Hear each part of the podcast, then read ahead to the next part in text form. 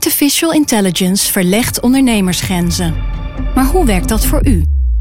Als transformatiepartner helpt Capgemini u kansen te ontdekken en benutten, zodat we uw ideeën tot leven brengen. Vorm uw eigen mogelijkheden met generative AI. Ontdek meer op capgemini.nl/slash AI. Capgemini. Get the future you want. Hallo, even een berichtje vooraf. Ik ben Henk Ruigrok van der Werven, de producer van Haagse Zaken. Mogelijk heb je mijn naam al eens gehoord. Ik wil even vertellen dat wij zijn genomineerd voor de Podcast Awards van BNR. Haagse Zaken als podcast in de categorie Nieuws en Politiek. En Lemja zelf als beste host. Uh, je kan op ons stemmen. Dat kan tot en met 4 juni. Dat kan via podcastawards.nl. Alvast bedankt. En dan gaan we nu verder met de podcast.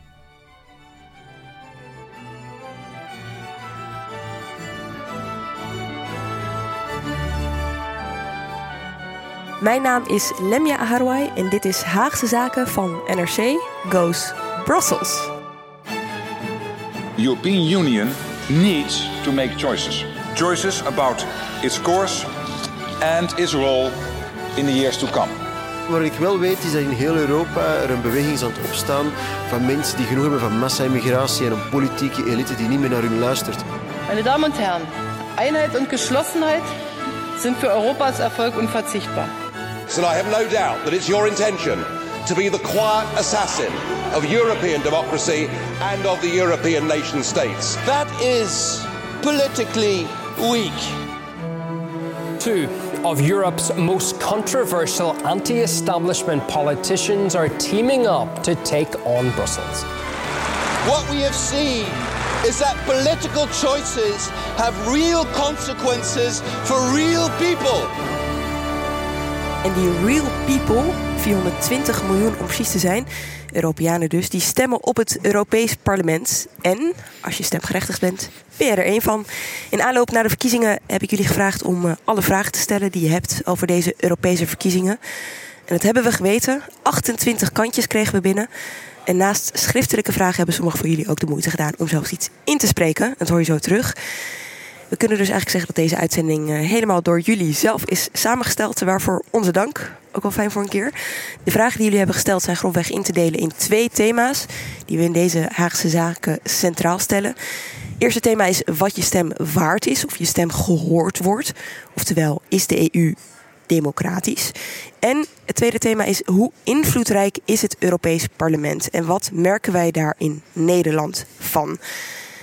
Om jullie vragen te kunnen beantwoorden ben ik uh, op de trein gestapt, afgereisd naar het hart van de Europese Unie, Brussel. In een uh, studio in het Europees Parlement zit naast mij, of eigenlijk tegenover mij, Stefan Alonso. Hoi. Jij was hier vijf jaar geleden bij de vorige verkiezingen correspondent. Ik ben wel benieuwd, had je toen wel eens als correspondent last van een gebrek aan aandacht of een gebrek aan interesse in Nederland over het onderwerp waar je over schreef? Ja, in die periode wel. Want ik zat precies tussen de eurocrisis en de migratiecrisis in. En je merkte toen dat zeg maar de, hè, men was een beetje EU-moe eigenlijk door alles wat er gebeurd was in de jaren daarvoor. Dus dat, dat was best lastig tijdens die verkiezingen. Daarna trok dat heel snel bij toen, toen zeg maar alle problemen ontstonden. En als er veel problemen zijn in Europa, dan sta je eigenlijk heel vaak op de voorpagina. Mark Kranenburg, jij was correspondent van 2004 tot 2008, een tijdje terug dus alweer. En dat was de periode waarin de EU uitbreidde van 15 naar 25 lidstaten. Had je het idee dat de EU er toen toe deed in Nederland? Mm, nou, uh, als ik in mijn omgeving keek, niet, niet, niet echt. Ik vond het zelf natuurlijk wel. Maar ik was uh, werkzaam uh, in Den Haag, in, in, de politiek. En ik vertelde toen Hans van Mierlo dat ik naar Brussel ging. D66-voorman. En die keek me een beetje meewarig aan en zei... Ach, arme. Dus dan ga je die stukjes schrijven over de eierprijzen voor links onder pagina 16. Um, heb je dat ooit gedaan? Nee, ik heb volgens mij het eierprijzen is nog nooit uit mijn pen gekomen. Maar ik heb toch wel een heleboel, vind ik zelf, hele interessante stukken over de ontwikkeling van Europa geschreven. En die kwamen niet allemaal op pagina 16? Die kwamen heel vaak op de voorpagina toe. Tijn Sade, debutant in Haagse Zaken. ehm, samen met René Moerland, onze huidige correspondent in Brussel. Tijn, die Europese verkiezingen lijken zelfs hier in Brussel, toch wel het hart van de EU, niet heel erg te leven. In België zijn eigenlijk de Europese verkiezingen een beetje vanzelfsprekendheid. Eh, elke Belg beseft zich natuurlijk heel goed dat het land eh, ongelooflijk economisch afhankelijk is van die EU. Heel eh, praktisch gesproken, België, Brussel waar we nu zitten, daar zitten alle EU-instellingen. Daar verdient de Belgische hoofdstad natuurlijk ook heel veel geld aan. Dus, maar inderdaad, tegelijkertijd zijn er eh, in België ook eh, gewestelijke en nationale verkiezingen. Daar zijn ze veel meer geïnteresseerd in. En ja, die europolitiek, dat is voor de Belg een vanzelfsprekendheid. Sturen, ze sturen ook altijd eh, toppolitici naar het Europees Parlement. En dat zie je niet overal. René Moerland, dit is een vraag die waarschijnlijk elke vijf jaar bij elke verkiezing wordt gesteld. Maar ik ga hem je toch even stellen. Worden dit nou historische verkiezingen? Ik denk dat er ook elke vijf jaar het antwoord is. Dat zullen we na afloop moeten bekijken. Misschien heel flauw, maar het wordt wel vaak gebruikt inderdaad voor verkiezingen. Ook door mensen die er graag aandacht voor willen trekken. Het is echt belangrijk. Dus dan kan je altijd in de overdrive gaan om te zeggen van ga inderdaad stemmen. Het Europees Parlement, wat de samenstelling ook is, wil over het algemeen meer Europese samenwerking. Stel je nou voor dat de verkiezingen op uit zouden lopen dat je een parlement zou krijgen dat bijna aan de rem gaat hangen. Ja, dan zou je echt een historische wending hebben. Maar dat zien we niet 1, 2, 3 gebeuren. Hoezeer ook nationalistische partijen waarschijnlijk zullen winnen. Oké, maar hoe historisch deze verkiezingen zijn, je zei het al, dat kunnen we eigenlijk pas na aflopen beslissen. Oké, we gaan beginnen. En we beginnen met eh, het Europees Parlement. De belangrijkste vraag voordat we naar het stemhokje gaan, is denk ik toch: waar stemmen we nu eigenlijk op, Tijn? Je stemt eh, in je eigen land op een Nederlands eh, politicus, eh, politica die zich eh, kandidaat stelt om te gaan zetelen in het Europees Parlement. En als Nederland hebben we op dit moment 26 zetels in dit eh, 751 zetels stellende parlement. Dus je, gaat naar de stembus voor Nederlandse politici die hier willen zitten. Oké, maar niet al die Nederlandse partijen die zijn ook vertegenwoordigd in de Tweede Kamer, toch? Je kan zeggen aan alle verkiezingen ook partijen meedoen die niet eh, het halen. Dat geldt ook voor het, eh, voor het eh, Europees Parlement. Eh, er zijn verkiezingen op de, er zijn partijen op de kieslijst, zoals Jezus Leeft, die meestal ook bij de Tweede Kamerverkiezingen meedoet. Maar daar hoor je nooit meer wat van. Er staat er ook eentje op de, op de lijst, dat is Volt. eh, die echt specifiek voor deze Europese verkiezingen meedoet en niet eerder heeft meegedaan, omdat dat een partij is die eigenlijk een Europa-breide nieuwe beweging wil opstarten. Oké, de meeste vragen die zijn ingestuurd, die gaan een stuk dieper dan eh, alleen maar dit, gelukkig maar. Eh, Sven de Bruin bijvoorbeeld, die vraagt samen met best wel wat anderen naar de rol, de invloed en de mate van democratische legitimiteit van het Europese parlement ten opzichte van de andere instituten in de EU. Dat is best een brede vraag. Dus laten we eerst maar eens even beginnen met de rol. Wat is de rol van het Europees parlement ten opzichte van die andere EU-instituten? Stefan. Nou ja, het Europees Parlement heeft eh, medebeslissingsrecht. Hè. Het moet eigenlijk wetgeving die wordt voorgesteld door de Europese Commissie eh, behandelen. Parallel met de lidstaten. En uiteindelijk moet het daar al dan niet mee instemmen. Er zit een wetgevende rol in eigenlijk hè, van, het, van het Europees Parlement. En ze hebben ook wel een controlerende rol. Hè. Ze moeten bijvoorbeeld eh, de begroting hè, moeten ze goedkeuren, de EU-begroting. En, en dat kunnen ze ook niet doen. Hè. Dat is altijd een beetje spannend. Daar schermen ze ook altijd een beetje mee. Ze doen het uiteindelijk altijd wel. Maar hè, dan schermen ze toch van, nou, we gaan het misschien niet doen, omdat jullie gewoon niet doen wat wij willen. Dus eh, pas op. Hè. Gewoon even de spierballen laten eh, zien en zo. Dus dat, dat, is denk ik de, dat zijn de twee aspecten van, eh, van het werk van het Europees Parlement: wetgeving, controleren. En als je het om het af te zetten tegen die andere instituten, is het misschien nog wel even goed om uit te leggen wat de Europese Commissie doet. Ja, dus de commissie heeft het initiatiefrecht. Hè. Die stelt voor om een wet in te dienen, bijvoorbeeld op het gebied van migratie of eh, nou ja, eh, databescherming of wat dan ook. Dus die, die neemt dat initiatief en vervolgens gaan de lidstaten, die zitten samen in de raad, hè, dus de, de, die, die vormen samen de raad, en het Europese parlement, die gaan daar parallel, gaan zich daarover buigen, over, die, eh, over dat voorstel. En die kunnen dat voorstel ook veranderen, amenderen. En er gaan een paar rondes overheen. En aan het eind van de rit heb je, als het goed is, een, eh, een mooie richtlijn. En wie heeft uiteindelijk de laatste stem? Ja, eigenlijk zowel het Europees Parlement, denk ik, als de Raad. Hè? Dus je, je, Beiden moeten instemmen. Beide moeten instemmen. Dus, het is, eh, ze, dat, dat, dat, dus uiteindelijk hebben zowel de lidstaten eh, als de, de, het Europees Parlement het laatste woord. En het is vaak een misverstand. Hè? Dat zie je vaak in, in, in Europa debatten terugkomen. Dan heeft men het over we moeten van alles van de Europese Commissie. En de Europese Commissie dwingt ons, ons om dit en dat te doen. En eigenlijk is dat altijd een beetje een verkeerde voorstelling van zaken. Omdat uiteindelijk het zijn de lidstaten zelf en het Europees Parlement Die het allerlaatste woord hebben. Je zou het zo moeten zien. Die commissie die komt natuurlijk met uh, voorstellen, maar dat uh, zuigen ze niet uit hun duim. Die commissie is eigenlijk een beetje een spons. Uiteindelijk ook een beetje een zeef, maar eerst een spons. Alle geluiden uit al die hoofdsteden van god, uh, zouden we niet eens dit moeten doen? En wij willen graag dat dit ja. gaat veranderen, maar dat moeten we dan Europees gaan doen. Nou, dat komt allemaal in die sponscommissie terecht. En die gaat namens al die geluiden, maar ook vanuit de maatschappelijke organisaties en ook lobby, grote bedrijven, die kunnen al. De commissie is echt een transparant open huis. Uh, daar komt alles samen. Nou, en op een gegeven moment als er een ja, gevoel is van... ja, dit is eigenlijk wel goed. Dit, dit, zouden we inderdaad beter kunnen doen in Europa. En dat Nederland met dat idee aanvankelijk is gekomen... of Litouwen, dat doet er dan op een gegeven moment niet meer toe. En dan als er genoeg uh, gewicht voor is... dan komt er een wetsvoorstel. En daar begint het allemaal. Laten we een klein voorbeeldje noemen. Moet er een nieuw industriebeleid komen? Ja. Hè, bijvoorbeeld. Nou, eh, in verschillende landen, met name in Duitsland, is de stemming erg veranderd over de, hoe je je moet opstellen tegenover eh, China dan met name, of ook wel Amerika. Eh, Frankrijk vond het al langer. Je ziet dat bij twee belangrijke landen in de Europese Unie daar een soort klimaat over begint te, te, ontstaan dat er iets moet gebeuren. Zij gaan er dan druk op uitoefenen, komen met een voorstelletje dat zo informeel circuleert. En op een gegeven moment reageert de commissie dan en die gaat een papier ontwikkelen om te zeggen: ja, we gaan een voorzet doen voor een nieuw Europees industriebeleid. dit is, ik noem dit voorbeeld, omdat dat mhm. nu gaande is en dat in de volgende commissie ongetwijfeld zal worden uitgewerkt. Dan is het de commissie die op een gegeven moment een voorstel komt.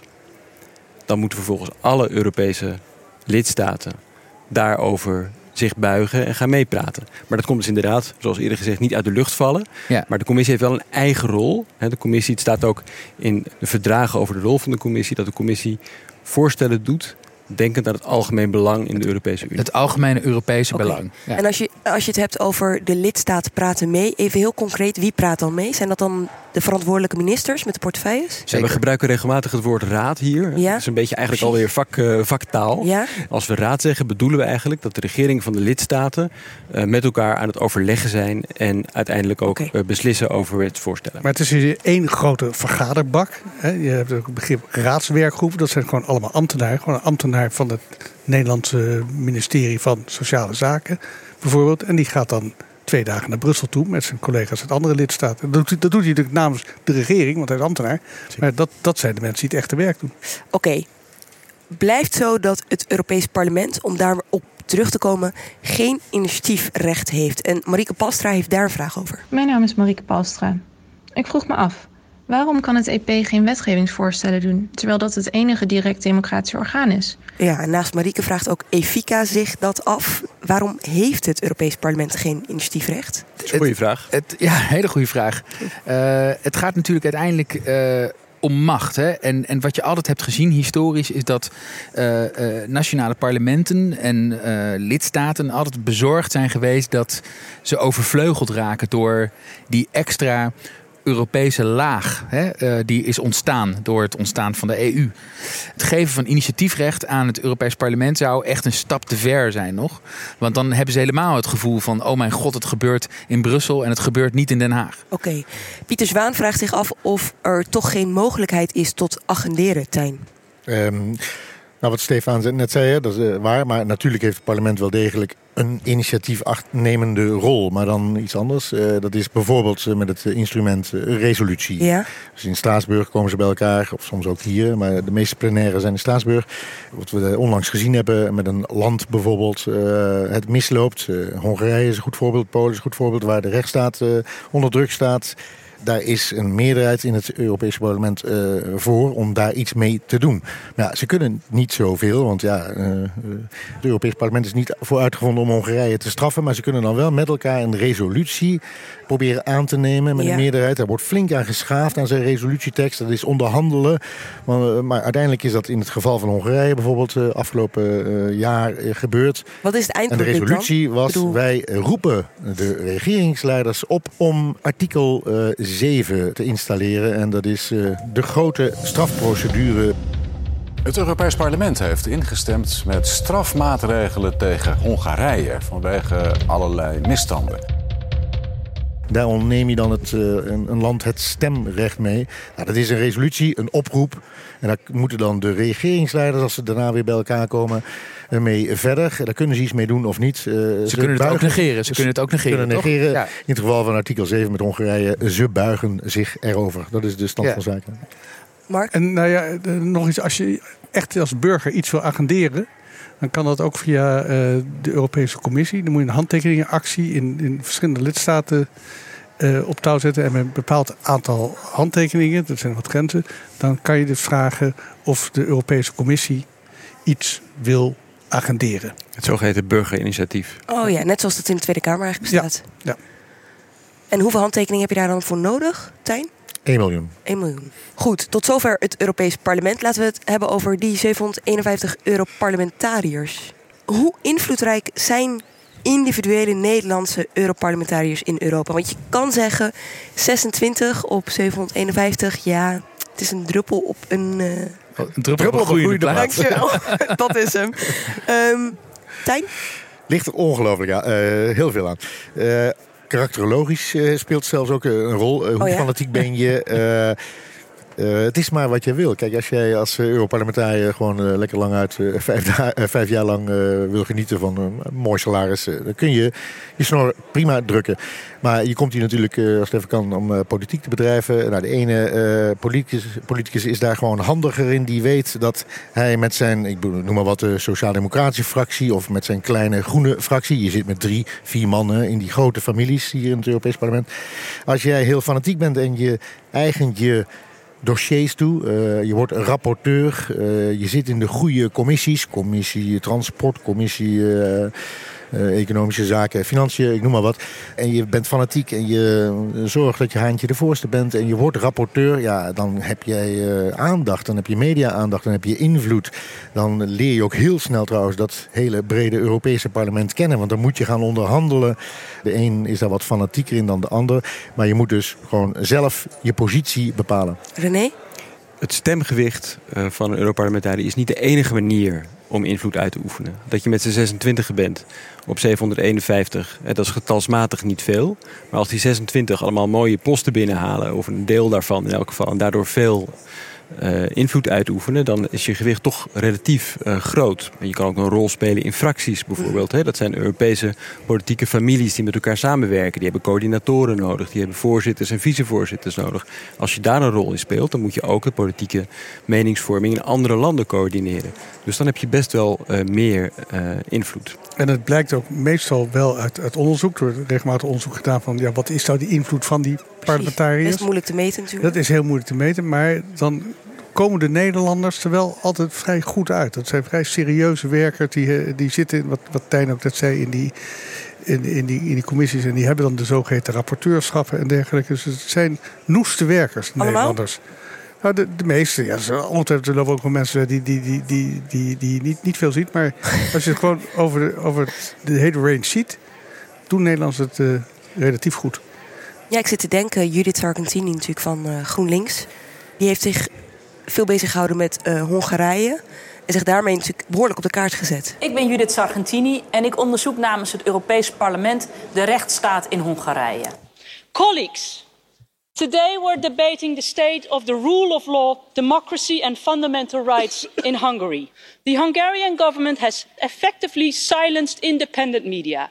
By putting academia on a leash. Zij had daarvoor uh, niet zo'n hele belangrijke dossiers. Ja, sorry uh, dat ik dat zeg, maar uh, nou ja, voor haar waarschijnlijk wel belangrijke dossiers. Maar ik noem maar wat. ze zat op bloeddiamanten, zeg maar. Dit was toestanden in de Afrikaanse mijnen aanklagen. Ja, een hele belangrijke zaak. Maar ja, dat is voor een Europeaan, dat is ook hier in dit, in dit Europese politieke theater mm -hmm. natuurlijk een beetje marginaal al mm -hmm. snel. Nou ja, en het einde van haar tweede mandaat kwam in zicht. Maar ik vermoed toch een klein beetje dat uh, Europarlementariër Sargentini ook wel iets had van... Uh, ik wil niet zo meteen hier vertrekken en in de vergetelheid verdwijnen. Is denk ik hier en daar ook redelijk goed geadviseerd door haar team. Kom op, zet je schouders onder een dossier wat veel media-aandacht ook zal krijgen. Ze heeft het trouwens verder heel goed gedaan. Enorm succes behaald. Maar dat soort factoren spelen natuurlijk ook allemaal een rol. Ijdelheid, de aandacht willen. En dat heeft goed en dus uitgepakt. Dus proactief op zoek gaan naar onderwerpen. Ik bedoel, uh, ik moet nu denken, Bas Eickhout, uh, ook GroenLinks, uh, op klimaat Gerben-Jan Gerbrandi op uh, de Dieselgate, D66. Zeker. Dag, dat Jongerius, sociale uh, ja, dossiers. Ja. Maar goed, Kijk, je kan je daarin dus wel um, onderscheiden van anderen. Nou ja, ja, zeker. Kijk, ik zat zelf te denken uh, wie, wie uh, zich ook enorm op de kaart heeft gezet toen zij Europarlementariër was, was Janine Hennis. En die heeft toen, dat was een hele ingewikkelde zaak met, uh, met de Amerikanen. De Amerikanen wilden veel meer passagiersgegevens hebben van uh, mensen die uit Europa kwamen vliegen. En dat ging heel ver. En daar heeft, is toen vanuit Europa hebben ze ook geprobeerd daar wetgeving aan, uh, aan te koppelen. Dat, dat, waar allemaal beperkingen werden opgelegd. Dat werd een zware onderhandeling. En dat heeft toen uiteindelijk, en daar was Janine Hennis was daar dus de leider van de parlementaire groep die dat onderzocht, dus de rapporteur. En dat heeft ze toen uh, nou, eigenlijk min of meer voor de poort van de hel weg weten te slepen. En dat, dat is dan heel verstrekkend. Maar ik vraag me toch af, dit zijn niet per se ik bedoel, als je het hebt over Hongarije, heel leuk voor Sargentini dat ze ermee kan shinen uh, op Europees gebied.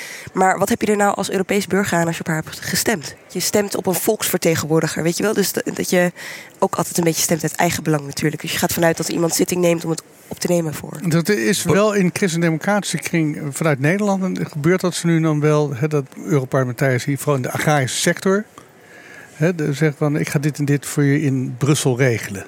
Of, of, ik ga regelen dat dat, dat dat wordt afgeschaft. Maar dat is eigenlijk niet de bedoeling. Nee, cliëntelisme. Ofwel. Maar uiteindelijk zit je ook in het Europees Parlement uh, namens Europa, niet namens je eigen land. Je levert dus een beetje je paspoort in. Ja. Maar de een is daar wat fanatieker en, uh, ja.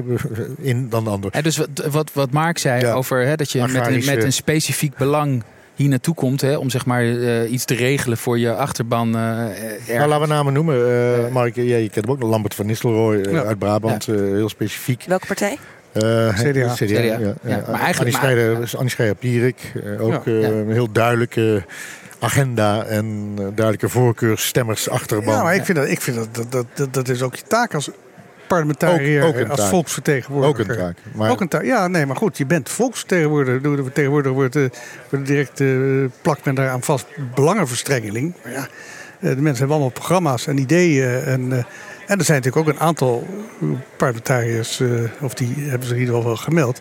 Die willen zo snel mogelijk van Europa af. Dat, dat heb je ook. Dat, nou ja, dat, en die spreken ook namens een, een groep, denken ze dan. Oké, okay, volgende vraag. Komt van Henny van der Sluis. En die vraagt zich af: hoe ziet een werkdag van een Europarlementariër eruit? Hoe ziet hij er eigenlijk uit? René? Ja. Ze beginnen heel vroeg. dat is uh, een eerste. Nou ja, hoe, doe, hoe vroeg? Ja, ik, ik doe, mijn referentiekader is, is natuurlijk Den Haag. Uh, nou, daar beginnen ze laat, bedoel je? Daar, daar, daar beginnen de vergadering om, uh, de plenaire vergadering om kwart over tien. Hier in uh, Brussel en, en in Straatsburg beginnen ze al om, om negen uur. En soms om half negen. En dan gaat het ook door tot s'avonds laat. Die, die agenda, hoe dat eruit ziet zo'n dag, ligt ook weer helemaal aan wat voor portefeuille je hebt. Waar je rapporteur op bent. Neem bijvoorbeeld Sofie in het veld, D66. Burgerlijke Vrijhedencommissie. Nou, die is heel erg, uh, ik denk de helft van uh, het laatste jaar in, uh, op Malta, in Malta moet je zeggen, en in Slowakije geweest vanwege moorden op journalisten daar. Heel erg bezig geweest daarmee. Dus ja, het ligt heel erg aan wat je hier doet. Maar ze werken met kleurtjes, toch, Tijn? Oh ja, de, weken. De, de, weken, ja. De groene week was geloof ik de week dat je uh, naar je uh, thuisland in het veld bent. Gaat, uh, ja. De witte week. Veldonderzoek. weten jullie nog? Wit en geel, wat hebben we nog meer? Maar de groene week is geloof ik belangrijk. Zeker voor ons, dan moet je altijd even weten. Dan zijn ze er niet. Nee, maar je kunt, je, je kunt zeggen dat, dat, dat als een Europarlementariër hier in Brussel is... dan is hij eigenlijk met drie dingen bezig. Hij is bezig met zijn eigen partij. Hè, dus er wordt heel veel vergaderd op, op, op het niveau van de politieke familie. Hè, en dan, dan uh, overlegt men en zorgt men ervoor, kijkt men of de neuzen wel dezelfde kant op staan. Hij is tegelijkertijd bezig met zijn commissiewerk. Hè, dus elke Europarlementariër is lid van een commissie. Uh, en dat zijn er een stuk of 25. En nou ja, die commissies die hebben hè, dat die, begroting, uh, landbouw, milieu, mm -hmm. nou ja, et cetera. Dus dat is de tweede poot. En de derde poot is eigenlijk het, het, het, het plenaire werk. Hè, dus het stemmen. Hè, bijvoorbeeld in, in dat, dat gebeurt dan in Straatsburg. Uh, en dan wordt er gewoon drie dagen achter elkaar wordt er een soort enorme zee aan amendementen komt voorbij. En daar moeten, dat moet dan heel ingewikkeld over gestemd worden. Want het zijn heel veel mensen. Dus dat is echt een vrij uh, intensieve, heftige uh, ja, gebeurtenis eigenlijk. Oké, tot zover de rol en invloed van het Europees Parlement en die individuele parlementariërs in Europa. We gaan dus stemmen op 23 mei. Maar het viel ons op, veel luisteraars die vragen zich af wat die stem uiteindelijk waard is. Stefan. Nou ja, kijk, het punt is een beetje, dat is natuurlijk altijd een lastige in, uh, hè, het is bijna, ik bedoel, bijna een filosofische vraag van uh, hoeveel, hè, hoeveel invloed heb je als individu, zeg maar, op, op de wereld om je heen. Dat is natuurlijk nooit heel erg groot. Alleen het probleem is als 1 op 420 miljoen. Ja, ja, nee, dat is waar, dat is waar. Dus, dus, dus maar, maar het punt is toch, je, hè, je kunt toch uh, um, uiteindelijk, ja, je kunt ook denken van ja, er zijn er genoeg mensen in de rest van de wereld die niet mogen stemmen, die dat misschien wel wel zouden willen. Dus het is ook wel iets prachtigs dat het kan. dus dat, dat, is eigenlijk al, eh, dat is eigenlijk al heel goed. En, en ik denk uiteindelijk dat je toch, je, je hebt toch wel invloed. Hè? Ik bedoel, eh, het, het is misschien niet directe invloed. Het is niet zo dat degene op wie jij stemt overmorgen uh, rapporteur is of voorzitter van het Europees Parlement. Dat is niet zo. Maar nou ja, je kunt wel degelijk de richting helpen bepalen waarin Europa aan het gaan is. Nou, en wat dat is precies hetzelfde als elke parlementariër, elke volksvertegenwoordiger Kijk, er gebeuren dingen niet als het, het Europarlement in meerderheid nee zegt. Um, kiezen in een democratie is natuurlijk wel iets anders dan iets kopen in de winkel. Als je iets koopt in de winkel, heb je een heel direct relatie tussen wat jij doet en het resultaat dat je hebt. Namelijk, je koopt bijvoorbeeld een wekker, laten we dat voorbeeld nemen, dan heb je een wekker in je handen aan het eind. Als je stemt, wat je dan doet, is deelnemen aan het politieke geheel waar onze belangen in worden vertegenwoordigd. Dat doe je of op het niveau van bijvoorbeeld de Tweede Kamer, of het niveau van het Europees Parlement, of het niveau van Europa. En dat betekent dat jij je vertrouwen stelt in parlementariërs waarvan je zegt, nou die zijn gespecialiseerd in onderwerpen die ik belangrijk vind. Of die horen bij een partij die ik goed vind. Of dat is gewoon iemand die ik vertrouwen in heb dat die goede, voor, voor uh, dat die goede uh, standpunten inneemt. Dat betekent dus dat je een soort signaal geeft, ook al ben je er maar één, aan uh, het Europees Parlement en aan in dit geval ook de Europese regeringsleiders die met dat parlement samenwerken, over welke richting jij zou willen dat het opgaat. Oké, dat is dus wat je stem waard is. Het is dus niet alleen een kwestie van stemmen op de kandidaat die jij geschikt vindt. En daarom vraagt Daniel van Leeuwen zich het volgende af. Hoi, ik ben Daniel van Leeuwen en ik heb een vraag. Waarom kan ik alleen maar op Nederlandse kandidaten stemmen? Ik bedoel, ik voel me Europeaan en misschien zou ik wel op een Deen willen stemmen. Waarom kan dat dan niet? Overigens kregen we deze vraag echt best wel veel binnen. Tijn, hoe kan dat? Zijn er veel mensen die op een Deen willen stemmen? Nee, maar wel de vraag van hoe komt het dat ik hè, op een nationale lijst moet stemmen?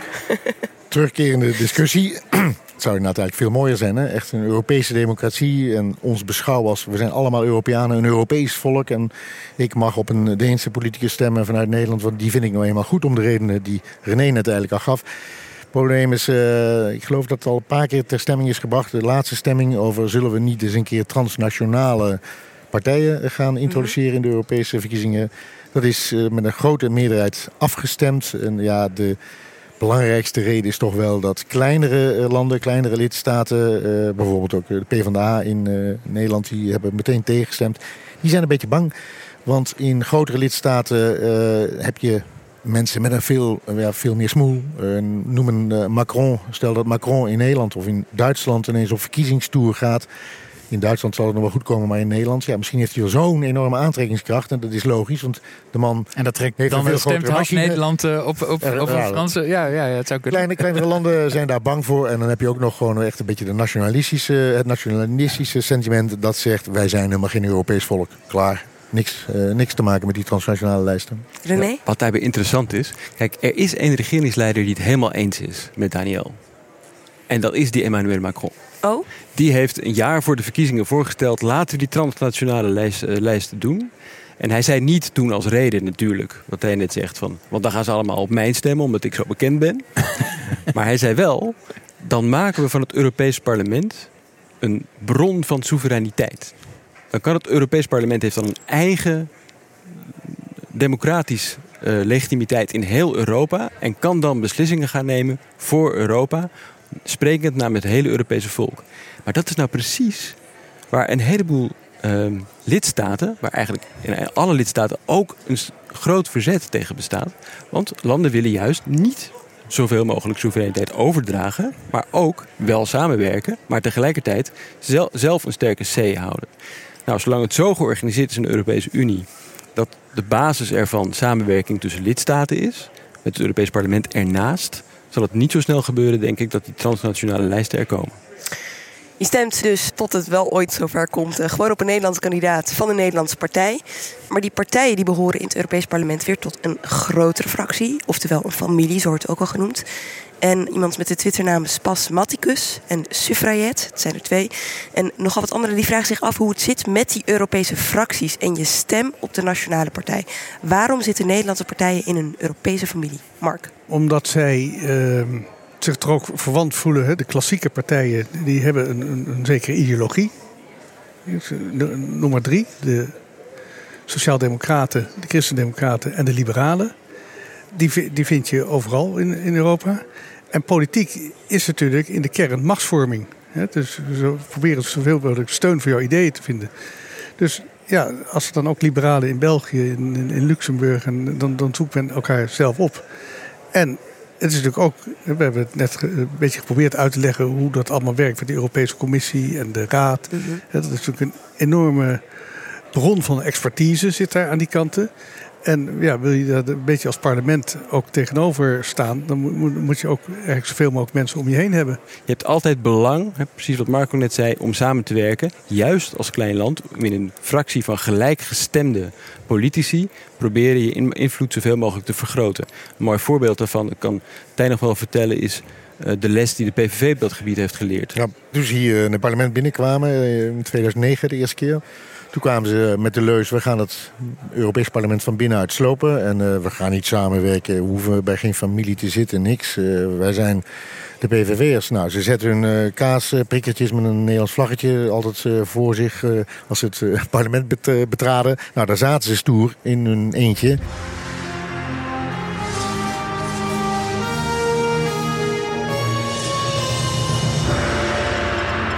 De PVV, de partij van Geert Wilders, dreigt in Europa volkomen geïsoleerd te raken. En ja, die vijf jaar hebben ze, ze kwamen erachter dat je dan dus helemaal niks hebt en niks kan en je eigenlijk met niemand praat. Dan kwamen ze vijf jaar later achter en daar zijn ze natuurlijk wel op teruggekomen. Die les hebben ze geleerd. Ze zijn toegetreden tot die grotere familie uh, van gelijkgezinden. En uh, zijn gewoon mee gaan doen. Dus het is ontzettend belangrijk om, om deel uit te maken van een grote fractie. Zeker als je zelf een kleine partij bent. Mm Want dan kun je relatief hè, boven je gewicht gaan boksen. dus dat, dat maakt het meteen interessant, deel uitmaken van een grote fractie. Hanni van der Sluis die vraagt zich dan af... bij welke EU-fracties Nederlandse partijen zijn aangesloten. Hoe is die verdeling? Uh, ja, je hebt de drie grote uh, families eerst. Hè. Nou, vier, laten we die even nemen. De Christendemocraten, CDA. Uh, Sociaaldemocraten, PvdA. ALDE, Liberalen, VVD en D66. de Groenen, GroenLinks. ChristenUnie, SGP bij de... Europese, Europese conservatieven en hervormers. Hervormers. En dan heb je de SP, die zitten bij uh, Europese links, uh, GUE. Dat is radicaal samen, links. Samen met de Partij voor de Dieren. PVV natuurlijk, grote partij. Die ja. zitten, uh, zoals net gezegd al, bij de Europese fractie van Nationaal... hoe heet het ook weer? ENF? nou, van Le Pen. Met, van Le Pen, zeg maar. Europa nou, van Naties en Vrijheid. Ja. Zo ongeveer, grofweg. Wat je daarbij ziet is dat dus de samenhang tussen die fracties niet altijd even sterk is. Het gaat echt ook om machtsvorming. Uh, Mark zei net al van als er gelijkgestemden moeten elkaar opzoeken. Je moet ook wel iets met elkaar delen. Je moet een ongeveer vergelijkbaar politiek standpunt hebben. Maar bijvoorbeeld de liberalen, ja die horen bij de liberalen elders in Europa. Want dat zijn allemaal liberale partijen. Maar bijvoorbeeld de ChristenUnie, uh, en SGP uh, samen, die zitten niet bij een fractie van alleen maar christelijke partijen, maar die delen wel met elkaar dat ze binnen Europa een groter accent op uh, nationale soevereiniteit willen. Het dus eigenlijk eens om. Stel je voor dat de partijen uit de verschillende landen geen fracties met elkaar zouden vormen. In Nederland, in Nederland heb je 12 partijen. Nou, heb je 28 lidstaten. Dan krijg je meer dan 100, meer dan 200 uh, partijen die allemaal in losse brokjes proberen te opereren. Dan zou het parlement een volkomen uh, chaotische situatie worden. Waar bovendien ontzettend lang zou gaan duren. Nog veel langer om welke beslissing dan ook te nemen. Dat is wat in het verleden ooit in Polen de Poolse Landdag werd genoemd. Dat zou niet werken. Hè? Dus je ziet gewoon dat de, de, de aandrang om samen te werken sterk is. En er zijn ook regels voor in het Europees Parlement. Bijvoorbeeld om een fractie te vormen, moet je al uit een uh, uh, partijen aangesloten hebben uit uh, een kwart van de lidstaten. Dus in de praktijk zeven lidstaten. En in totaal 25 leden. En in totaal 25 leden, Minimaal. individuele leden. Minimaal. En meestal wordt het er dan dus meer om een fractie te vormen. Is dat in de praktijk lastig? Ja, dat ja. is wel eens lastig. Ik heb bijvoorbeeld met de PVV. Die moesten dus uh, vijf jaar geleden die fractie uh, samen vormen met partijen als Le Pen. En die kwamen niet overeen. Die zijn er heel lang mee bezig geweest. En dat Ja. had dan te maken met ja, ideologie. Eh, de een vond de ander eh, toch eigenlijk een beetje antisemitisch. En de andere zei van nee, ik ben pro-Israël. En de andere zei nee, ik ben, eh, ik ben anti-Israël. Nou, daar, eh, dat werd vuurwerk. Maar uiteindelijk zijn ze toch bij die eh, uit zeven landen en 25 toch gekomen. Uiteindelijk is het wel gelukt, maar Ja. echt met behulp van eh superkleine splintergroeperingjes die ze dan ergens nog uit een land hadden weten te plukken, waardoor er ja, van die zeven landen toch weer een land bij was. een gekomen. afvallige Ja. die ergens nog Ja. zwo- Ja. zweefde. En die pakte ze ook maar En dat is het spel wat direct na de verkiezingen gaat beginnen. Hè? Ja. Dus, eh, fractievorming. de fractievorming. Dat Altijd is- heel leuk. Want die politieke families die kunnen dus ook wijzigen. Hè? Partijen vallen eruit, komen erbij, eh et cetera.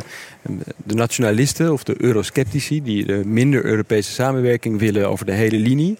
Die hebben hier bijvoorbeeld eh, een interessante opdracht na de verkiezingen. Je ziet dat eh, de Italiaanse Lega-leider Matteo Salvini al bezig is om te proberen om al die nationalistische partijen de verschillende landen bij elkaar te binden. Maar die, die hebben wel allemaal misschien als gedeelde wens om minder Europese Unie en een einde te maken aan de Europese samenwerking. In ieder geval op veel terreinen. Maar die hebben ook grote verschillen. Bijvoorbeeld in opstelling tegenover Rusland. En dat maakt dat we soms helemaal niet met elkaar kunnen samenwerken. Op dit moment zitten dat soort partijen in vier verschillende fracties. Want dat vind ik interessant. Stel nou dat je op ehm, eh, de PvdA stemt, hè? Dan ben je er dus niet van verzekerd dat je stem uiteindelijk ook terecht komt in een familie die uitdraagt wat de PvdA nationaal Nou, uitdraagt. bij PvdA nou juist net wel. Dat, ja, die zitten eh, verankerd gewoon in die grote familie van Ja. Sociaaldemocraten. Maar gewoon bij, die- kleine christelijke De partij. CU, is het- ChristenUnie, ja, ja, Mark. De, de kleine christelijke partijen die zijn nog steeds onduidelijk bij welke Europese familie ze, zich gaan aansluiten. Het laat zich afhangen van welke partijen er meer bij gevonden worden. En op dat terrein verdelen, eh, verschillen ChristenUnie en SGP ook weer van mening van elkaar. Dus ja, dat, dat, dat, dat, dat is onduidelijk. Want die zitten dus nu bij de ECR, hè, waar de, de, het, het Europa van conservatieven en hervormers, waar Thierry Baudet zich ook bij wil aansluiten. En dat zou dan in de praktijk betekenen dat een stem op de ChristenUnie een stem op Thierry Baudet is ook. Dat is natuurlijk niet echt zo, maar dan krijg je wel dat soort retoriek in de verkiezingscampagne. En dat Maar wil je dat, eigenlijk niet. Is dat in de praktijk ook niet zo? Een stem op vind ik zelf wel sterk uitgedrukt. Als je kijkt bijvoorbeeld hoe de VVD en D66 in één fractie samenwerken. Het zijn partijen die elkaar versterken als ze in één fractie zitten. Want dat betekent dat ze meer kans hebben op rapporteurschappen en belangrijke eh, posten in het Europees Parlement. Maar ja, bijvoorbeeld in de Nederlandse verhoudingen werken partijen ook in een coalitie samen. Daar vormen ze dan samen een regering. Dat is natuurlijk weer anders in het Europees Parlement. Maar door samenwerking stellen ze elkaar in staat om bepaalde doelen te verwezenlijken. zonder dat ze meteen helemaal gaan samenvallen. En het lelijke moet je dan ook even benadrukken. Stel, iemand wil op de ChristenUnie stemmen. En die is heel erg gekant, eh fel gekant tegen eh Thierry Baudet. En hij is niet helemaal goed op de hoogte als hij zijn stem uitbrengt op ChristenUnie. En uiteindelijk vertaalt zich dat, dat de ChristenUnie op Europees niveau in dezelfde fractie, dezelfde familie als Thierry Baudet komt. Dat is even schrikken als je je niet eh, goed hebt voorbereid. Ja, maar ja, dat, dat, dat is inherent aan het Europees Parlement. Hè. Er zit- een hele dosis ongemak. CDA is jarenlang achtervolgd met het feit dat ze in dezelfde partij zaten als Berlusconi. Eh Partij van de Arbeid is achtervolgd eh, door het feit dat er een paar eh, Oost-Europese zogenaamde partijgenoten waren. Ja, dat waren gewoon oud, oud-vervente communisten die heel wat op een kerfstok hadden. Ja, dat, dat, dat is al in de deal als je zo groot wordt. Hè, dat, eh, het wordt- wat waterverf allemaal. De, de macht heeft een prijs. Eh, Nou, Eh, kiezers kunnen hier natuurlijk wel naar kijken. hè. Ze kunnen zeggen van, eh, ik wil niet dat de partij waar ik me misschien wel het dichtst bij voel, samenwerkt met die en die andere partij. Het CDA bijvoorbeeld op dit moment eh, zit in één partij met de Fidesz, de partij van de, de Hongaarse premier Viktor Orbán. Nou ja, omdat die eh, ondertussen ervan wordt beschuldigd en bezig is om de democratie uit te hollen in Hongarije, is dat best wel een gevoelig punt. Dat zou ook voor christendemocratische stemmers zo kunnen zijn. Eh, dat geldt misschien ook wel voor sociaaldemocraten die het onaanvaardbaar vinden dat de PvdA en de sociaaldemocratische eh, fractie samenwerkt met Roemeense sociaaldemocraten, die ook onder beschuldiging staan van corruptie. Oké, Tijmen en niet en Eva Smal die stelde hier eigenlijk ook een beetje een vraag over. Eh, want ja, je zit dus in één grote familie met partijen, dat horen we nu wel. Die behoorlijk van elkaar kunnen verschillen. Hoe werkt dat dan in de praktijk? En laten we dan gewoon stemmingen erbij pakken als een eh, voorbeeld. Ik bedoel, ben je verplicht bijvoorbeeld om mee te stemmen met de familie waar je onderdeel van uitmaakt? Tijn? Nee, niet verplicht, maar ja, je moet wel uiting op een gegeven moment als familie kunnen geven aan het feit dat je bij elkaar zit. Ja. Dus er, in de ene fractie, de ene familie, zeg maar, is er wat meer eh, discipline om met elkaar mee te stemmen. Maar nee, dat is zeker niet verplicht en zeker niet ook altijd in de praktijk het Kijk, geval. op nationaal niveau heb je natuurlijk altijd partijdiscipline. Want als je dat niet hebt, dan valt de regering. Maar dat probleem heb je dus niet in het Europees Parlement, omdat de Europese Commissie geen regering is. Het is niet zo dat de Commissie valt of staat met een bepaalde steun in het Europees Parlement. Tenminste, niet direct. Even wat cijfers erbij. Ehm, onze videoredactie van NRC die heeft, eh, die heeft ernaar gekeken. Dan zie je dat bijvoorbeeld de VVD in 75% van de gevallen meestemt met de fractie ALDE dus. De SP doet dat in 72% van de gevallen. GroenLinks doet dat in 93% van de gevallen bij de Groenen. René? Ja, hier zie je wel heel aardig hoe dat mechanisme werkt. Eh, fracties stoppen er vrij veel tijd in om te proberen om alle aangesloten partijen uit verschillende landen dezelfde stem te laten doen. Nou, als je ideologisch heel dicht bij elkaar staat, zoals de Groenen, dan is dat waarschijnlijk makkelijker dan wanneer je bijvoorbeeld als VVD in een liberale fractie zit, waar betrekkelijk veel progressief-liberale partijen bij zijn aangesloten. Zeg maar, de meeste buitenlandse partijen in die ALDE-fractie staan dichter bij D66 dan bij de VVD. Dan is het misschien ook niet zo heel raar dat de VVD iets vaker afwijkend eh, stemt. Nee, maar hier wreekt zich natuurlijk ook het feit dat je eh, in die Europese families zit met een eh, Europees eh, gezamenlijk ideaal of een politieke agenda. Maar soms zijn er dossiers waar jouw politieke vrienden in die familie in hun eigen land een heel andere prioriteit hebben of een heel ander probleem dan jij. En dan botst het weer. Dus dat is een beetje de keerzijde van die Europese familievorming. Als je eh vice-fractievoorzitter van een grote partij bent, van de EVP of zo, dan besteed je betrekkelijk veel tijd aan het eh, proberen, of, of eigenlijk is het vooral de fractieleiding die probeert om zoveel mogelijk eh, eenheid eh, in die partij te bewerkstelligen. Maar er zijn issues. Laatst hadden we dat bijvoorbeeld met het debat over de export van WW-uitkeringen. Dan zie je dat de nationaal gevoeligheid zo groot is dat de Nederlandse partijen in dit geval allemaal tegenstemden, ongeacht welke fractie ze ook deel uitmaakten. Dat is een blok, dat is, een nationale lijnen. Wat we ook, daar heb je het ook heel sterk gemerkt bij de pulsvisserij. Ja. Dus soms zijn er nationale eh, thema's die zo gevoelig liggen in eigen land, dat dat dan belangrijker weegt dan de fractiediscipline. En, dat doet de Nederlandse regering, eh, anticipeert daar ook op. Hè? Die, die belobbyen dan hun eigen parlementariërs ook. Ja, en daar is dan ook wel begrip voor, denk ik, toch? Dan dat Europarlementariërs afwijken op zo'n moment. Iedereen en dat maakt zich daar schuldig tussen haakjes Ja. aan. Dus, Ja. dus- Ja, dus er is, er is uiteindelijk, en dat is eigenlijk de bottom line van dit verhaal, is er toch Europees meer. Er zijn meer mogelijkheden om af te wijken van de fractielijn. Het is een permanente onderhandeling. Dat betekent ook dat als, kijk, als jij met mij meestemt, kan de een tegen de ander zeggen, dan stem ik de volgende keer op een ander dossier weer met jou mee. Dus als je helemaal nooit meestemt met je eigen eh, fractie, dan is het op een gegeven moment wel de vraag wat je er eigenlijk doet. Maar zo vaak ver gaat het meestal niet. Oké, Max Benraad die vindt het gek dat Nederlandse partijen niet meer reclame maken voor hun Europese fractie. Waarom doen ze dat niet? De simpele reden is gewoon op campagnetijd is campagnetijd. En en je, je stemmen moet je gewoon in Nederland halen. Waarom zou je daar ook nog posters eh, van de European Greens bij hangen? Eerst gewoon in Nederland met je GroenLinks poster of je CDA poster. Gewoon Nederlandse stemmen pakken. Blijft mijn vraag, maakt het uit of je nou op de VVD of op D66 stemt binnen één familie? Zeker, want eh, VVD heeft eh, eh, toch een ander geluid dan D66 binnen ALDE. Hè, dus als jij vindt dat ALDE te veel eh, de D66 kant op gaat, dan stem je VVD. Ik bedoel, hè, dus je kunt wel degelijk, eh, dat kun je wel degelijk beïnvloeden. Ze hebben ook andere soorten kandidaten. hè. Ze hebben kandidaten die zich profileren op andere thema's. Eh, een D66er eh, zal eh, eerder op rechten, hè, bijvoorbeeld wat Sofie in het veld, zoals Tijn al eerder noemde, doet. Of op milieuzaken zich profileren. Terwijl de lijsttrekker van VVD, Asmani, zich vooral op migratie profileert. Ja. Dus dat betekent dat ze elkaar wel versterken als ze in één fractie zitten, maar dat ze daar binnen wel hun eigen punten naar voren zullen brengen. Ja, en dan is de vraag hè, wat je belangrijk vindt als kiezer. Het ene thema of Ja. het andere thema. Oké, er zijn ehm, echt best wel wat vragen binnengekomen over eh spitsenkandidaten.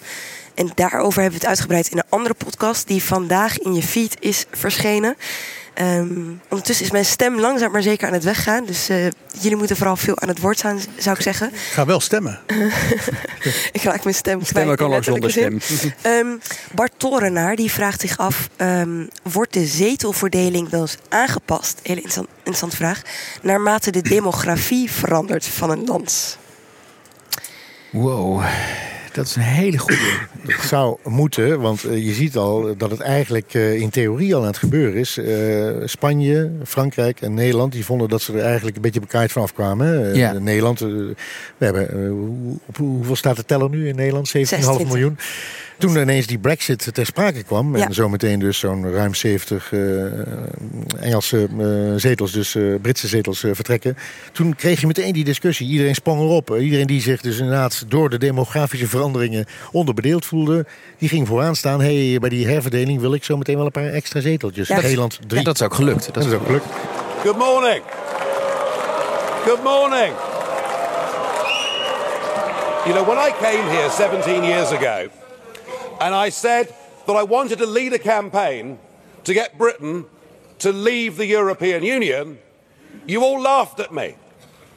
Well, I have to say, you're not laughing now, are you? Daar gaat ook de vraag van Hidde over. Hoi, ik ben Hidde en ik had een vraag.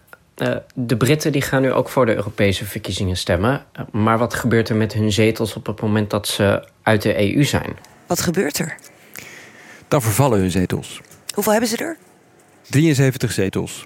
En eh, in een eerdere fase hebben de eh, Europese lidstaten eh, met elkaar besproken wat ze dan gaan doen. Ze hebben besloten het Europees Parlement kleiner te maken. Er zijn nu 751 leden. Dat worden er 705.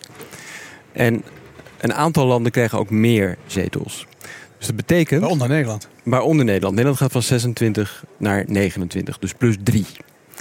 Je hoeft daar niet opnieuw voor te stemmen. Dus dat wil zeggen dat we bij de uitslag van de Europese verkiezingen eigenlijk twee uitslagen hebben. Eén voor 26 zetels En één voor negen. en één voor 29. Drie zitten er in de wachtkamer. En op het moment dat de Britten eruit gaan, komen die wachtka- wachtkamer-Europarlementariërs daadwerkelijk in het Europees Parlement en vertrekken de Britse vertegenwoordigers. Toen even over demografische verandering. Ik vind het wel interessant. eh, Roemenië bijvoorbeeld. Hè? Dat land, eh, een van de grotere landen toen het erbij kwam. In 2007 zijn zij toegetreden. Toen nog op 22 miljoen. Nou, inmiddels uit dat land zijn zo'n 3,5 miljoen eh, jongeren vertrokken. Naar onder andere Nederland, België. Dus het is een land ineens geworden van, nou, zal het zijn, zo'n 18,5 miljoen. Ze zitten op 33 zetels. Wij met Nederland 17,5 miljoen. En op dit moment met 26 zetels. Dus Roemenië heeft zeven zetels. z- Veel meer macht dus in het Europees Parlement dan wij. Terwijl dat langzaam naar elkaar toegegroeid is. Dus dat is bijvoorbeeld zo'n misstand die nu eh, een klein beetje gecorrigeerd wordt. eh, dankzij die Britse zetels eh, waar iedereen zijn tanden in heeft gezet. Laten we het hebben over wat we in Nederland merken van het Europees Parlement. Hier gaat een eh, vraag ook over van Marieke Palstra. eh, over de relatie tussen het Europees Parlement en Nederland. En hoeveel invloed heeft de EP dan op de nationale samenleving en politiek? Nou, daar weet ik zelf eigenlijk ook wel het antwoord op. Ik heb voor de krant eh, bekeken hoe groot die invloed nou eigenlijk in de praktijk is op je leven. En dat bleek veel meer te zijn dan dat je in eerste instantie zou denken. Ik dacht, ik heb genoeg aan twee pagina's. Maar eh, toen ik me begon eh, te verdiepen, dacht ik, ik heb drie kranten nodig om, eh, om vol te schrijven. Ja, alles heeft een Het Europese is echt basis vanaf, bijna, vanaf het moment dat je wekker gaat, hè, dus de discussie over winter- of zomertijd, tot het moment dat je in de trein stapt. Ik bedoel, het beveiligingssysteem van de treinen. Als je in de auto stapt, je rijbewijs, dat is overal in Europa hetzelfde. Tanken is overal hetzelfde. Ik bedoel, heb je een Poolse bouwvakker in huis, dan heeft Europa er invloed op. Dus je ziet echt overal terug. Het feit dat wij, een heel simpel consumentenvoorbeeld, geen plastic zakjes meer krijgen, heeft gewoon mee te maken dat, de tweede, eh, dat de, het Europees Parlement ermee heeft ingestemd dat er geen plastic zakjes meer worden mogen verspreid. Nou, en zo zijn er talloze, honderden, duizenden maatregelen. eh, kan, je, kan je verzinnen waar het Ja, het Europees Parlement een, eh, mee heeft ingestemd. Iemand die zichzelf Haagse insider noemt, je zou het eigenlijk moeten weten, die vraagt: kan de Nederlandse politiek wetten nog wijzigen of tegenhouden die uit Europa komen? Ik denk dat het belangrijk is om eerst even uit te leggen hoe het werkt, hoe Europese wetten in Nederland terechtkomen. Ja, de Europese wetten die gemaakt worden, worden dus gemaakt door alle eh, landen eh, en het Europees Parlement. Die moeten met elkaar overhandelen, die moeten eh, afspraken maken, meerderheden vormen. Uiteindelijk moet een lidstaat zich dan ook neerleggen bij de eh, wet die wordt afgesproken. Dat wordt dus een Europese wet, ook wel richtlijn genoemd. Maar die moeten nog vertaald worden naar nationale wetgeving. Dat duurt soms. Dat duurt in principe twee jaar, maar soms spreken ze af dat het bijvoorbeeld drie jaar duurt. Een leuk voorbeeld is de recente afspraken. Daar hebben we ook uitgebreid in, eh, in de NRC over geschreven. En in andere media kon je dat ook volgen. Over een Europees ouderschapsverlof. Hele andere regels dan in Nederland gelden. Onder andere omdat vaders recht kregen op langer betaald ouderschapsverlof.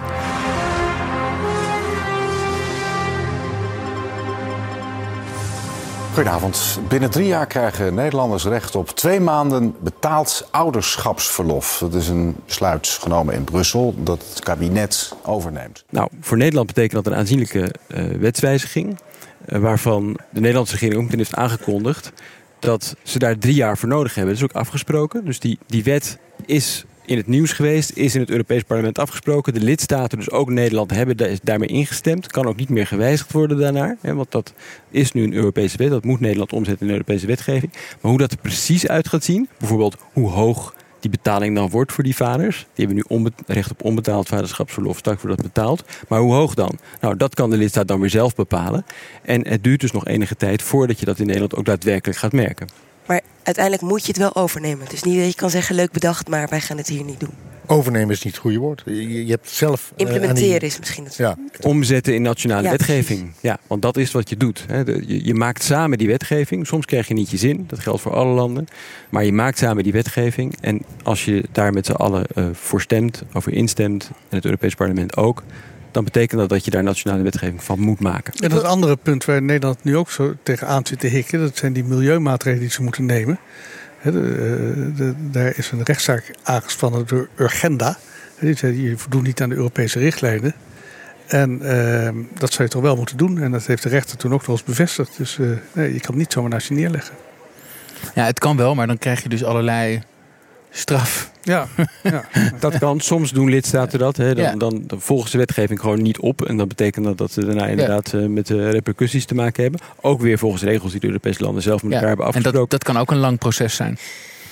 Haagse Insider die wil ook weten welk percentage van de Nederlandse wetgeving is eigenlijk Europese wetgeving. Dat heb ik voorgelegd aan eh, Sebastiaan Prinsen, universitair hoofddocent op het gebied van bestuur en beleid in de Europese Unie aan de Universiteit van Utrecht. En die heeft het berekend zo'n tien jaar geleden. En die zei dat het toen ongeveer 20% was. Wat ik overigens veel lager vond dan wat ik in eerste instantie had verwacht. En hij zei dat het waarschijnlijk niet echt veranderd is in die afgelopen tijd. Dus dat het hetzelfde is. Ja, volgens mij worden daar allerlei eh, eh, gevechten over gevoerd in, in de wetenschap. Want ik, ik ken, kende ook het percentage van 80% van de wetgeving eh, is gestoeld op Europees, eh, Europees beleid, Europese richtlijnen. En- En, maar goed, dat is juist vraag, is het puur een richtlijn? Zijn het Europese afspraken? Maar nou ja, je hebt zelf net verteld dat je een verhaal hebt geschreven van hoe komt Europa in je leven, te, kom je tegen? Dan is het heel veel. Er zijn ook verordeningen. Ja. Die gewoon rechtstreeks Europees recht zijn. Dus het zijn allemaal eh, definitiekwesties ook. Maar Oké, Haagse Insider, hier kunnen we je dus niet een eenduidige antwoord op eh, geven. Nee. Eh, volgens PDF 655, het zijn allemaal hele bijzondere namen af en toe, lijken nationale politici zich bij dossiers als drugsbeleid en belastingontwijking te verschuilen achter Europese wetgeving. Is dat zo? Merken jullie wel eens dat eh, Brussel heeft het nou eenmaal beslist een veel gebruikt argument is? dan zeggen ze Brussel heeft besloten. En dan counteren ze dat altijd. Zeggen, ja, Brussel heeft besloten. Brussel, dat ben je zelf. Je bent er zelf bij geweest bij al die voorbereidende gesprekken. Wat waar is toch? Wat, wat waar Van A is. tot Ja. Maar goed, het kan natuurlijk wel zijn dat je in zo'n gesprek, hè, wat we net helemaal uiteen hebben gezet, dat je daar eh, verloren hebt. Dat kan- kan zijn, maar dat is wat anders dan dat het ergens van boven door Brussel wordt besloten. Brussel, dat zijn we allemaal. Ja. Komt nu het pingeltje van de sterreclame? Nee, weet je, jij maakt een enorme evolutie hierdoor. Oké, Brian van der Keur die heeft een vraag over eh, het effect van eh, Europa, de Europese Unie, op hem persoonlijk. Hoi, ik ben Brian en ik vroeg me af wat de invloed is van de Europese Unie op het onderwijs in Europa. Brian eh, zit in 4 VWO, wil dus weten hoeveel invloed de EU heeft op het lesprogramma dat hij moet volgen. Naar mijn weten heeft de EU helemaal niets te maken met onderwijs. Behalve dat eh, Brian wel een kans maakt, eh, steeds meer in Europa, om met een Europese Erasmusbeurs in Europa te gaan studeren. Maar daar blijft het volgens mij bij. Ja, want er zijn een paar onderwerpen waar Europa gewoon niet over gaat. Hè? Onderwijs is daar één van, zorg is daarvan. één van. Pensioenen, ga ze maar door. Defensie, belastingen. Wat mij dus opvalt, hè, het gaat dus echt om best wel wat wetgeving of ordeningen, regels, noem het maar hoe je wil. Wij zijn in Den Haag, Stefan, met een Mark met, denk ik, met zijn vijftiende op de Haagse redactie. Jullie zijn hier met z'n tweeën. Anoniem, die heeft het gevoel dat het reilen en zeilen van Brussel niet door de Nederlandse media wordt gevolgd, zoals Haagse politiek. Nou, dan kijk je hier aan tafel, Mark, Stefan op onze Haagse redactie. Zijn we met behoorlijk meer dan de tweede hier aan tafel zitten uh, om verslag te doen van de Brusselse politiek. Waarom is dat eigenlijk zo, als je zou zeggen dat een groot deel van Nederlandse wetgeving hier vandaan komt? Voor een deel is dat natuurlijk historisch. We zouden hier best met een net zo grote redactie als de Haagse redactie kunnen werken. Het is natuurlijk ook een stuk duurder als je dat zou doen in het buitenland. Heel praktisch. Speelt ja. ook mee, ja, natuurlijk speelt het ook mee. Maar het heeft ook natuurlijk te maken met dat de Tweede Kamer een centraal element is in de Nederlandse democratie. Uh, terwijl in de Europese verslaggeving um, volg je wat, uh, wat tussen de regeringen gebeurt, volg je wat in het parlement gebeurt. Maar is veel minder het theater van het nationale debat uh, dan de Tweede Kamer is. Dus die dimensie van de nationale politiek, die ontbreekt hier. En die is in ieder geval, soms heb je hem wel, heb je een Europees debat dat staat, maar soms loopt het ook wel eens bijvoorbeeld via de correspondent in Frankrijk, die dan schrijft over wat Macron op een Franse universiteit vertelt over hoe het verder moet met de ja. Europese Unie. Ja. Dus dat is ook wat meer uh, versplinterd. Hier verderop is de, de zaal, hè, de plenaire zaal waar uh, vergaderd wordt. Tijn, is dat dan de plek waar jullie ook veel zijn? Nee, eigenlijk niet. Nee, want je moet uh, ja, nog eens even die triangel, hè, Europese Raad, ja. de ministers en de regeringsleiders, commissie en parlement, dat probeer je allemaal zo goed als mogelijk te volgen. Ik moet wel bekennen dat uh, als je kijkt naar de journalist, de Brusselse journalist, heb je toch wel grofweg uh, zeg maar, uh, twee of misschien wel drie types.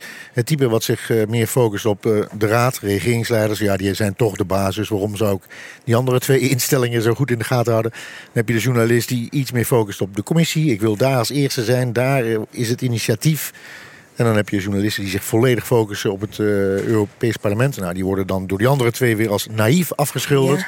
Want ja, de raad is toch veel machtiger. Nou, zo is een beetje strijd over waar, waar je jullie zitten. onder? Dus, maar we proberen toch al Alle... in, die, in die triangel ons zo goed als mogelijk voor te bewegen. En de dossiers een beetje te verdelen. We hebben een jaar geleden nog met elkaar afgesproken. René zei, ik stort me wel op de dossiers waar zeg maar, Europa meer een splijtswam is. Splijtende dossiers. Ik stort me meer op de grote gezamenlijke wensen. Projecten, buitenlandbeleid, in de kindervoeten, defensie, ik noem maar wat. Dat werkt niet alles zo in de praktijk. Maar we proberen een klein beetje te verdelen. Maar we komen handen en ogen en oren altijd tekort natuurlijk. Dus, er gebeurt hier heel veel. Het is zeker zo dat we verslag zouden kunnen doen over meer dat er gebeurt. En over meer beleidsterreinen uh, dan we doen. Daar moet ik wel bij zeggen uh, dat zeker naarmate Europa belangrijker wordt, er ook collega's van ons zijn die gewoon in Nederland gebaseerd zijn, bepaalde onderwerpen volgen. Uh, maar heel goed ingevoerd zijn in het debat in het Europees Parlement of tussen de lidstaten. Ik heb de afgelopen maanden niet veel geschreven over de CO2-normen voor vrachtauto's en ander zwaar verkeer. Maar Carola Houtenkamer, die daar op onze economieredactie over schrijft, wel. Ja. En die kent ook alle mensen die daarbij betrokken zijn. Precies, want is het hier op de gangen net zo toegankelijk als... Nou, René, je hebt ook in Den Haag gewerkt als politiek redacteur. Je weet hoe dat werkt. Hè? Je kan zo alle fractiekamers, behalve de PVV, wegens beveiligingsredenen. Maar je kan zo alle fractiekamers inlopen, uh, door de gangen lopen. Is dat hier ook zo? De toegankelijkheid van, uh, van Europarlementariërs is betrekkelijk groot. Je moet wel afspraken maken omdat je nooit weet waar iemand is. Hè? De, de, de, verspreidheid is, is groter. Sowieso is de hoeveelheid informatie die je in Brussel kan vinden enorm groot. Je hebt ook nog uh, al die landen die uh, hier met apparaten werken en informatie willen geven. Je hebt de Europese Commissie, die natuurlijk betrekkelijk die heel groot is en waar heel veel mensen werken met veel verstand van zaken. Je hebt de Raad zelf, waar ook mensen werken die weer informatie hebben. En dan heb je ook nog alle experts en de lobbyisten die eromheen werken, die informatie hebben. Dus de informatieaanwezigheid is enorm groot. En die zijn ook allemaal nog eens welkom hè, in dit, uh, in dit ja. huis. Hè? Ja, die lobbyisten, lobbyisten, moeten dan wel uh, zich aanmelden met een duidelijk andere kleur pas. Ik dacht een blauwe pas. ja. Dat dat wel duidelijk is. Oh ja, daar loopt een lobbyist rond, maar je bent welkom. Bouke Albers die vraagt, wat is hun rol van lobbyisten? Hoe groot is die rol hier? Die rol is, ja, groot weet ik niet. Die is, die is er gewoon, die is ook normaal. Zien jullie dat dan ook vertaald? Die lobbyisten doen mee.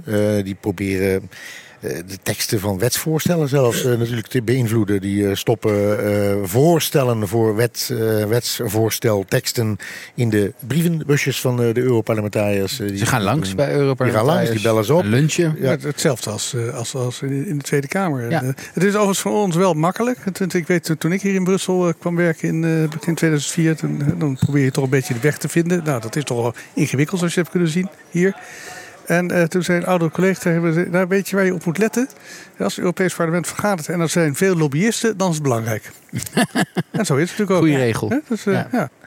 De laatste vraag die wil ik graag uh, zelf stellen.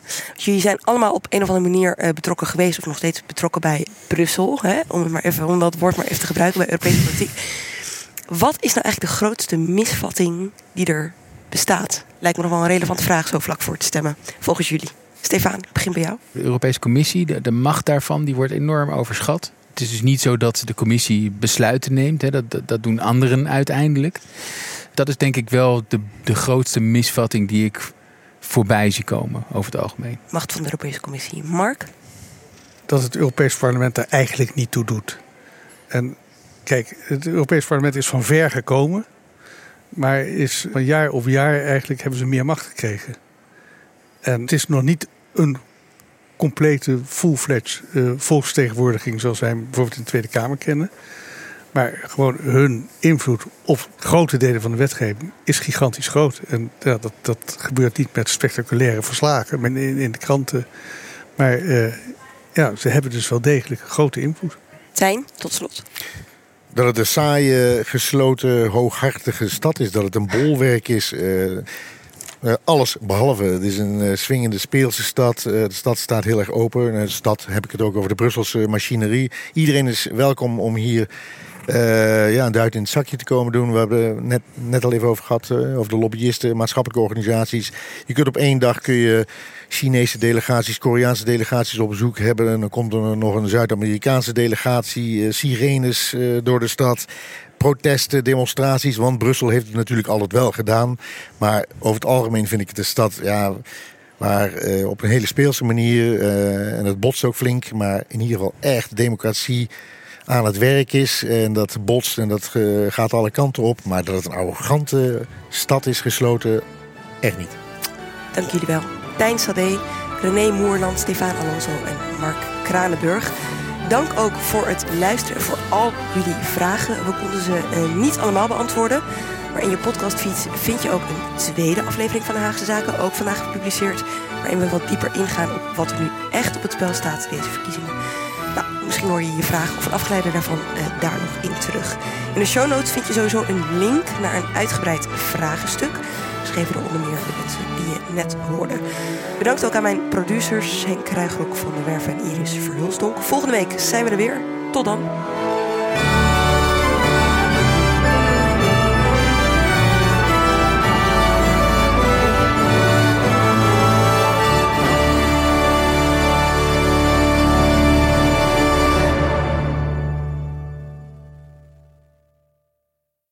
Je hebt aardig wat vermogen opgebouwd. En daar zit je dan, met je ton op de bank. Wel een beetje saai, hè? Wil jij, als belegger, onderdeel zijn van het verleden of van de toekomst? Bridgefund is een slimme fintech die een brug slaat tussen de financiële behoeften van ondernemers en van beleggers. Dus wie belegt bij Bridgefund krijgt niet alleen een mooie vaste rente, maar brengt ook ondernemers in beweging. Echt waar! Met die ton kan je zoveel betere dingen doen. Bridgefund. Make money smile.